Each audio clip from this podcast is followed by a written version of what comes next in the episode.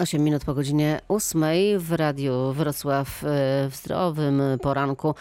Na początek koronawirus. E, według Światowej Organizacji Zdrowia minionej doby zanotowano na świecie największy od początku pandemii przyrost nowych zachorowań. To ponad 200 tysięcy przypadków.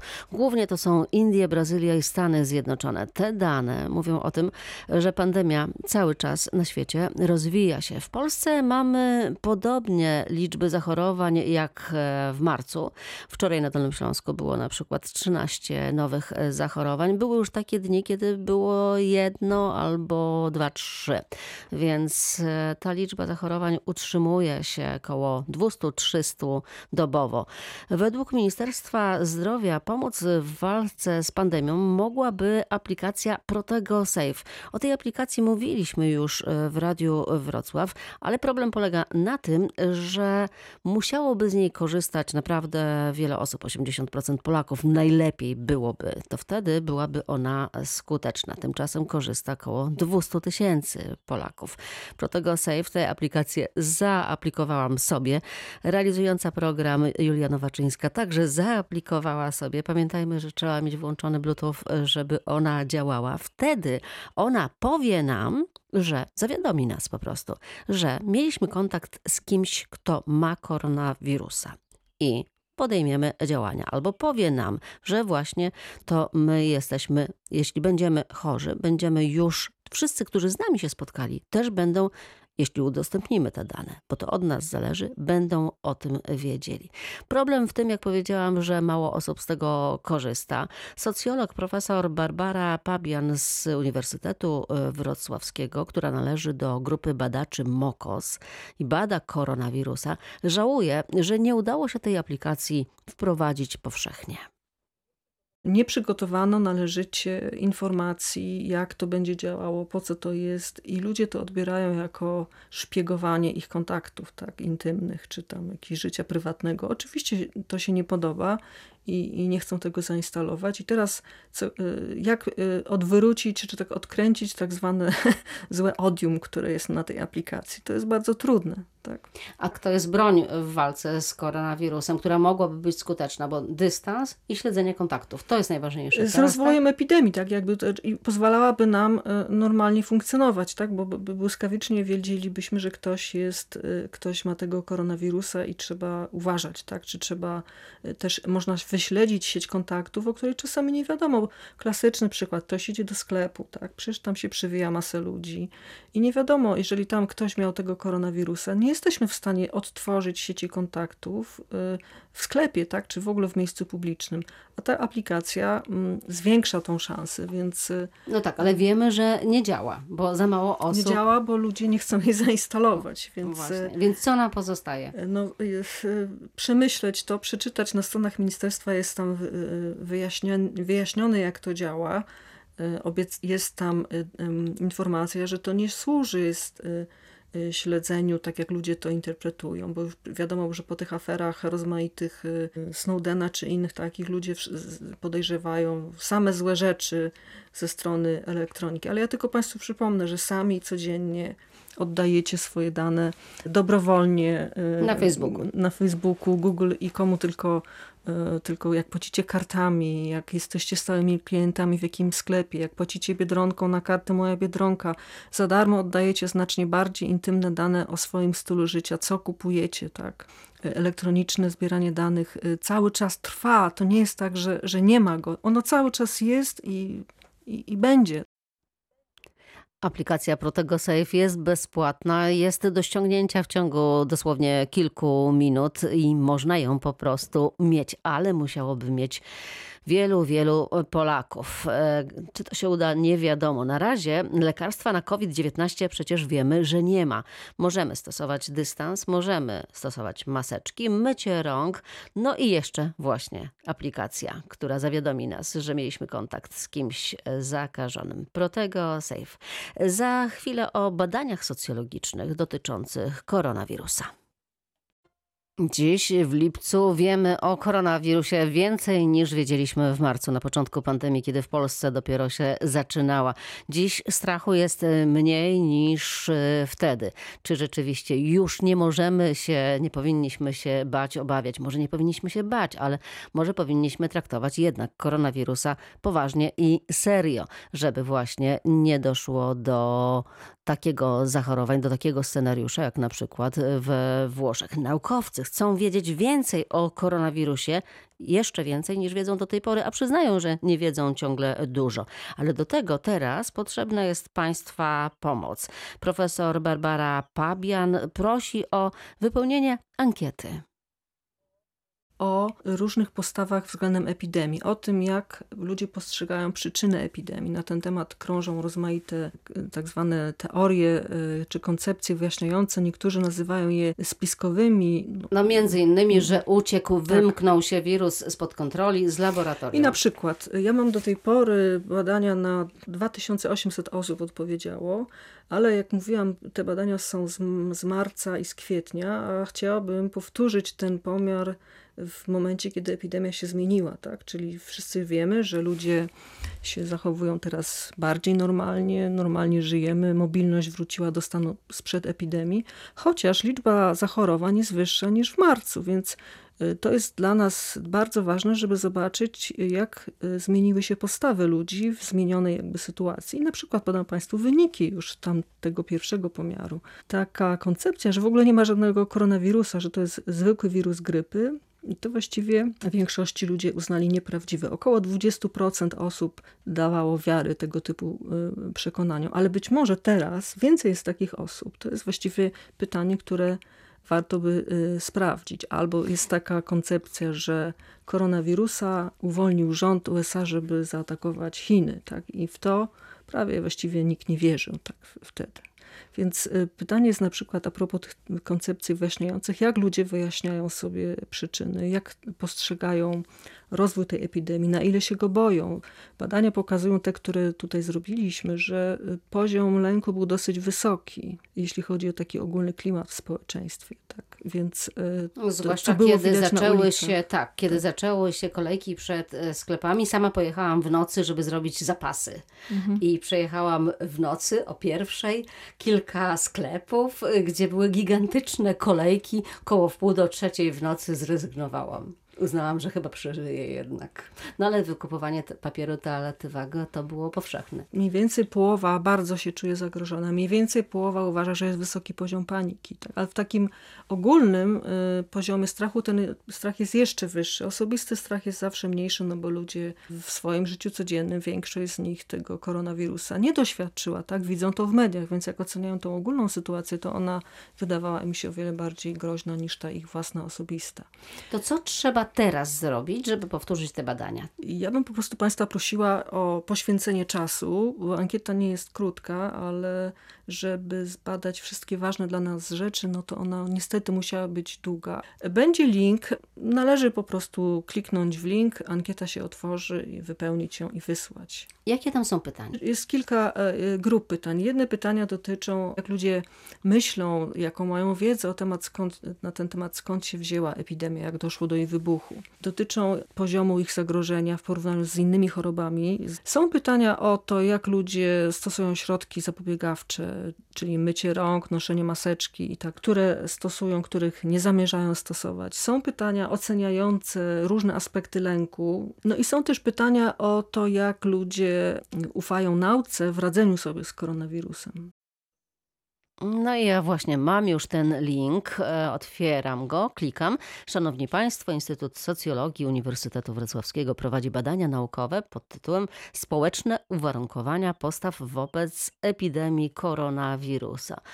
I przeglądam tutaj, zaczynam za chwilę odpowiadanie. Myślę, że tych odpowiedzi tak idę do końca, do końca, do końca. Jest No jest trochę. No troszeczkę trzeba, ale myślę, że do końca audycji powinnam ją e, wypełnić i powiem Państwu, że na przykład już, ja już. Link do tych badań będzie na naszej stronie internetowej, więc być może właśnie dzisiejszy poranek, przedpołudnie e, można wykorzystać na to, żeby pomóc naukowcom. Do rozmowy wrócimy za kilka minut, ale już będziemy rozmawiali o terapii, która daje nadzieję. Terapii, która zakończyła się sukcesem w przylądku nadziei. Udało się uratować 11-letniego Olka, któremu wcześniejsze wszystkie inne terapie nie pomagały. A teraz chłopiec jest zdrowy. Za 25 minut będzie godzina dziewiąta i w studiu już zapowiadany wcześniej gość, profesor Krzysztof Kałwak z Przylądka Nadziei Uniwersyteckiego Szpitala Klinicznego. Dzień dobry panie profesorze. Dzień dobry pani redaktor, dzień dobry państwu. Panie profesorze, ja do pana mniej więcej tak raz w miesiącu telefonowałam i pytałam pana, czy od już wielu miesięcy, czy już możemy powiedzieć, jakie są efekty leczenia Olka.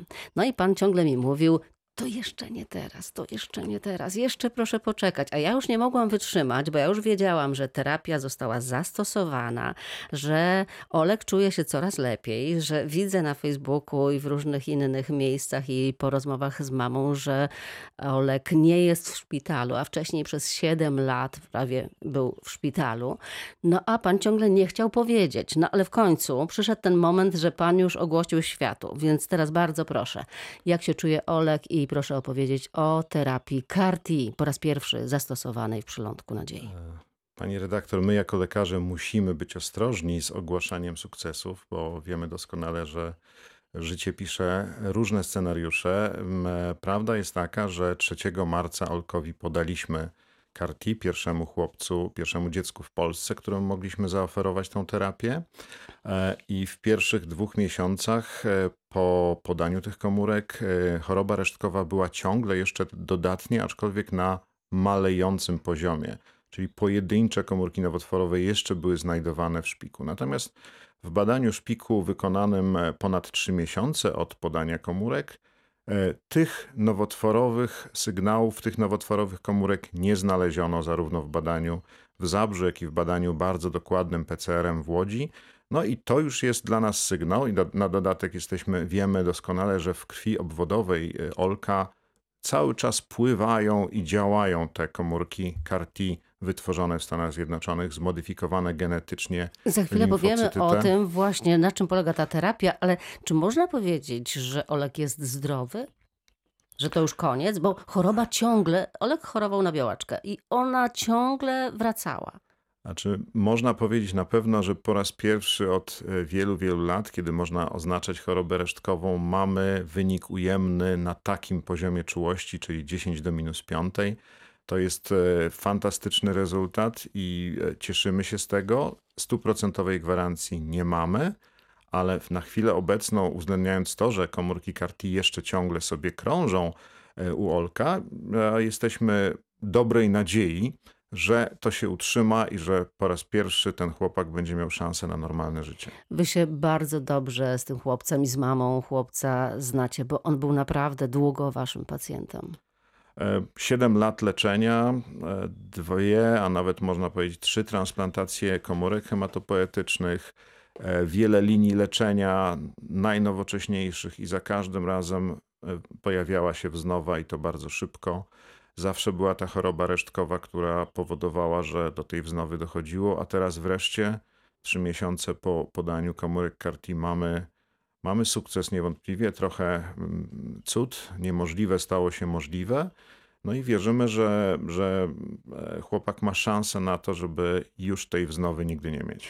Lekarze bardzo rzadko, jak rozmawiam e, z, ze specjalistami, używają słowa cud. Panie profesorze, pan użył słowa cud. No, jeśli, pani redaktor, jeśli przez 7 lat to dziecko walczy z chorobą nowotworową, jeśli już w roku 2019 spora część lekarzy no, nie dawała mu żadnych szans, E, my, pani profesor Gorczyńska, ja stwierdziliśmy, że trzeba spróbować nowej technologii. W międzyczasie okazało się, że udało nam się e, scertyfikować nasz ośrodek. Jesteśmy jedynym ośrodkiem, e, który w Polsce może podawać terapię CAR-T dzieciom.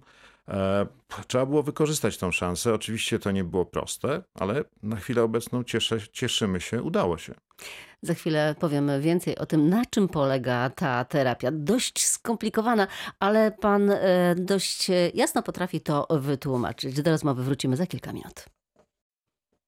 Za 17 minut będzie godzina 9. W Radiu Wrocław wracamy do rozmowy z naszym dzisiejszym gościem. Profesor Krzysztof Kałwak z Przylądka Nadziei jest e, naszym gościem. Panie profesorze, trochę powiedzieliśmy o tym, jak czuje się Olek, e, ale teraz powiedzmy kilka słów o terapii. Olek e, od 7 lat walczył z ostrą białaczką limfoblastyczną. Tak jak mówiliśmy, nie było dla niego nadziei, nie było dla niego szans. Wszystkie terapie dostępne, możliwe w Polsce zawiodły, zawodziły wodziły, natomiast Carti uratowało mu życie i jest szansa na to, że będzie zdrowy już zawsze. Na czym polega ta terapia? Czy ja głęboko wierzę, że będzie zdrowy. Pewności oczywiście stuprocentowej nie mamy. Technologia CAR-T jest taką e, bardzo zmyślną technologią polegającą na tym, że wykorzystujemy własny układ odpornościowy, który normalnie działa, ale działa w sposób mocno nieprecyzyjny e, i niekonkretny. E, pobieramy komórki od pacjenta, czyli w tym momencie Olka. Te komórki są izolowane, izolujemy limfocyty T, czyli takie właśnie zmyślne komórki układu odpornościowego, które teoretycznie potrafią zabijać komórki nowotworowe, ale robią to nieprecyzyjnie, więc trzeba je uzbroić w odpowiednie narzędzie do precyzyjnego zabijania, taki karabin maszynowy z dobrym celownikiem. No i to się robi oczywiście w laboratoriach, które posiadają takie możliwości technologiczne. W naszym przypadku było to laboratorium w Stanach Zjednoczonych.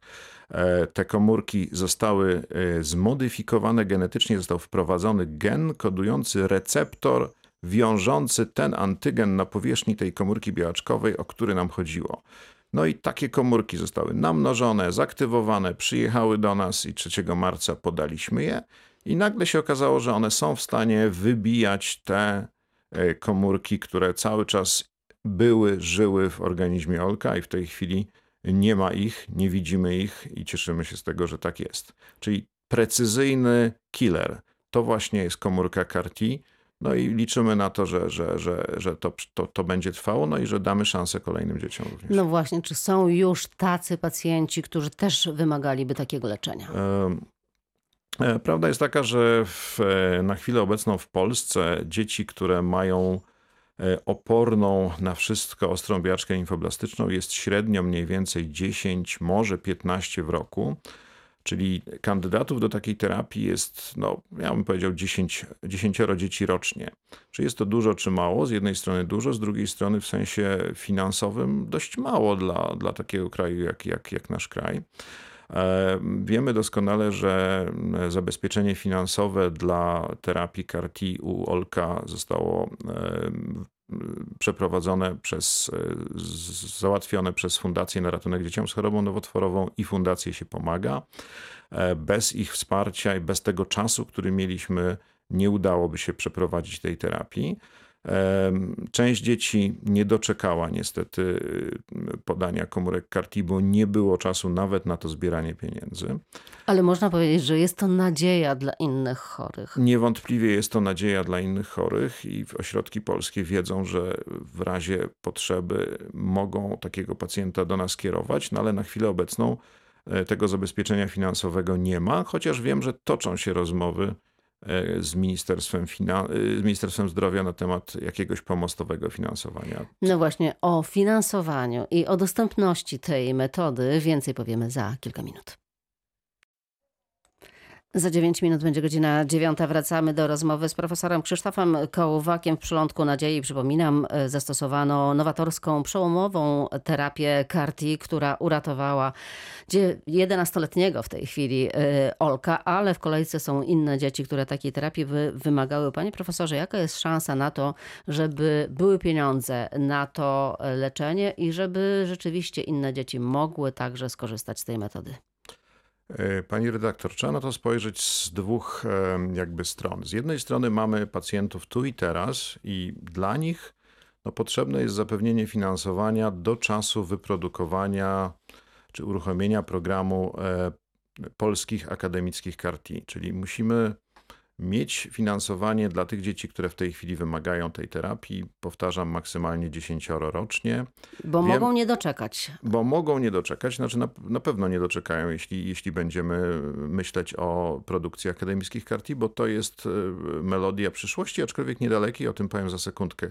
Tego natomiast, czyli, czyli tutaj Ministerstwo Zdrowia wiem, że są, toczą się rozmowy i mam nadzieję, że, że znajdą się środki na to, żeby to pomostowe finansowanie zapewnić. Agencja Badań Medycznych e, przekaże 100 milionów złotych na leczenie nowotworów właśnie przełomową terapią CAR-T. E, Taka jest e, zapowiedź. Co to oznacza? No, tak, to jest, to jest bardzo, bardzo optymistyczna zapowiedź, bo to już się dzieje. Tak naprawdę został ogłoszony grant na produkcję polskich akademickich komórek CAR-T wykorzystywanych w leczeniu nowotworów, nie tylko ostrej biaczki limfoblastycznej czy chłoniaków złośliwych, ale być może w przyszłości i guzów litych. S- Będziemy oczywiście razem e, w, w ramach konsorcjum z kilkoma innymi ośrodkami w Polsce składać e, wniosek o e, ten grant. E, Liczymy, że Wrocław jako mocny ośrodek go dostanie. E, No i wtedy oczywiście realne jest to, że jeśli będzie kupiona licencja na konstrukt, to być może pod koniec przyszłego roku pierwsi pacjenci otrzymają terapię e, akademickimi CAR-T. Czy to będzie realne? Zobaczymy, ale nadzieja jest. Jest to na pewno coś, coś fantastycznego, że wreszcie w Polsce e, ktoś pomyślał o tym, żeby promować naukę, która jednocześnie może pomóc pacjentom. No i te 100 milionów na pewno wykorzystamy. Ale to oznacza, że nie trzeba będzie wozić e, tych komórek e, do zmodyfikowania do Stanów Zjednoczonych. Będzie to wszystko można zrobić w Polsce? Dokładnie tak, dokładnie tak. Będą jeden, może dwa, może trzy ośrodki, które będą produkowały CAR-T w zależności od potrzeb w Polsce i e, na pewno to skróci drogę od momentu pobrania limfocytów do podania komórek, no i jednocześnie na pewno zmniejszy wydatnie koszty, z tym, że oczywiście najpierw trzeba zainwestować i to zainwestować nie tylko w sprzęt, ale zainwestować w know-how, zainwestować w ludzi. E, To, to, to wymaga czasu i środków, ale jest realne. Czekamy na decyzję, kiedy rzeczywiście to się stanie faktem. Panie profesorze, pan wraca do kliniki. Mieliście podczas pandemii jeden przypadek jednego chorego e, dziecka. Widziałam pana w, stroje, w stroju kosmity. E, Tak pan poruszał się po przylądku. Teraz nadal takie obostrzenia u was panują. W ogóle przylądek był jak twierdza. Nikt znaczy- tam nie może wejść. Przylądek dalej jest twierdzą, ale chodzimy w tej chwili już normalnie ubrani z tym, że cały czas mamy maski na sobie. E, Od tego czasu nie mieliśmy żadnego pozytywnego przypadku, a więc e, jest dobrze. Bardzo dziękuję. Gościem e, Radia Wrocław był dziś profesor Krzysztof Kałwak z Przylądka Nadziei Uniwersyteckiego Szpitala Klinicznego. Bardzo dziękuję panie profesorze za wizytę w studiu. Za pięć minut będzie dziewiąta, to oznacza, że już e, wiadomości Elżbieta Osowicz. Ja już dziękuję za wspólny poranek. Do usłyszenia. Dziękuję bardzo, do widzenia.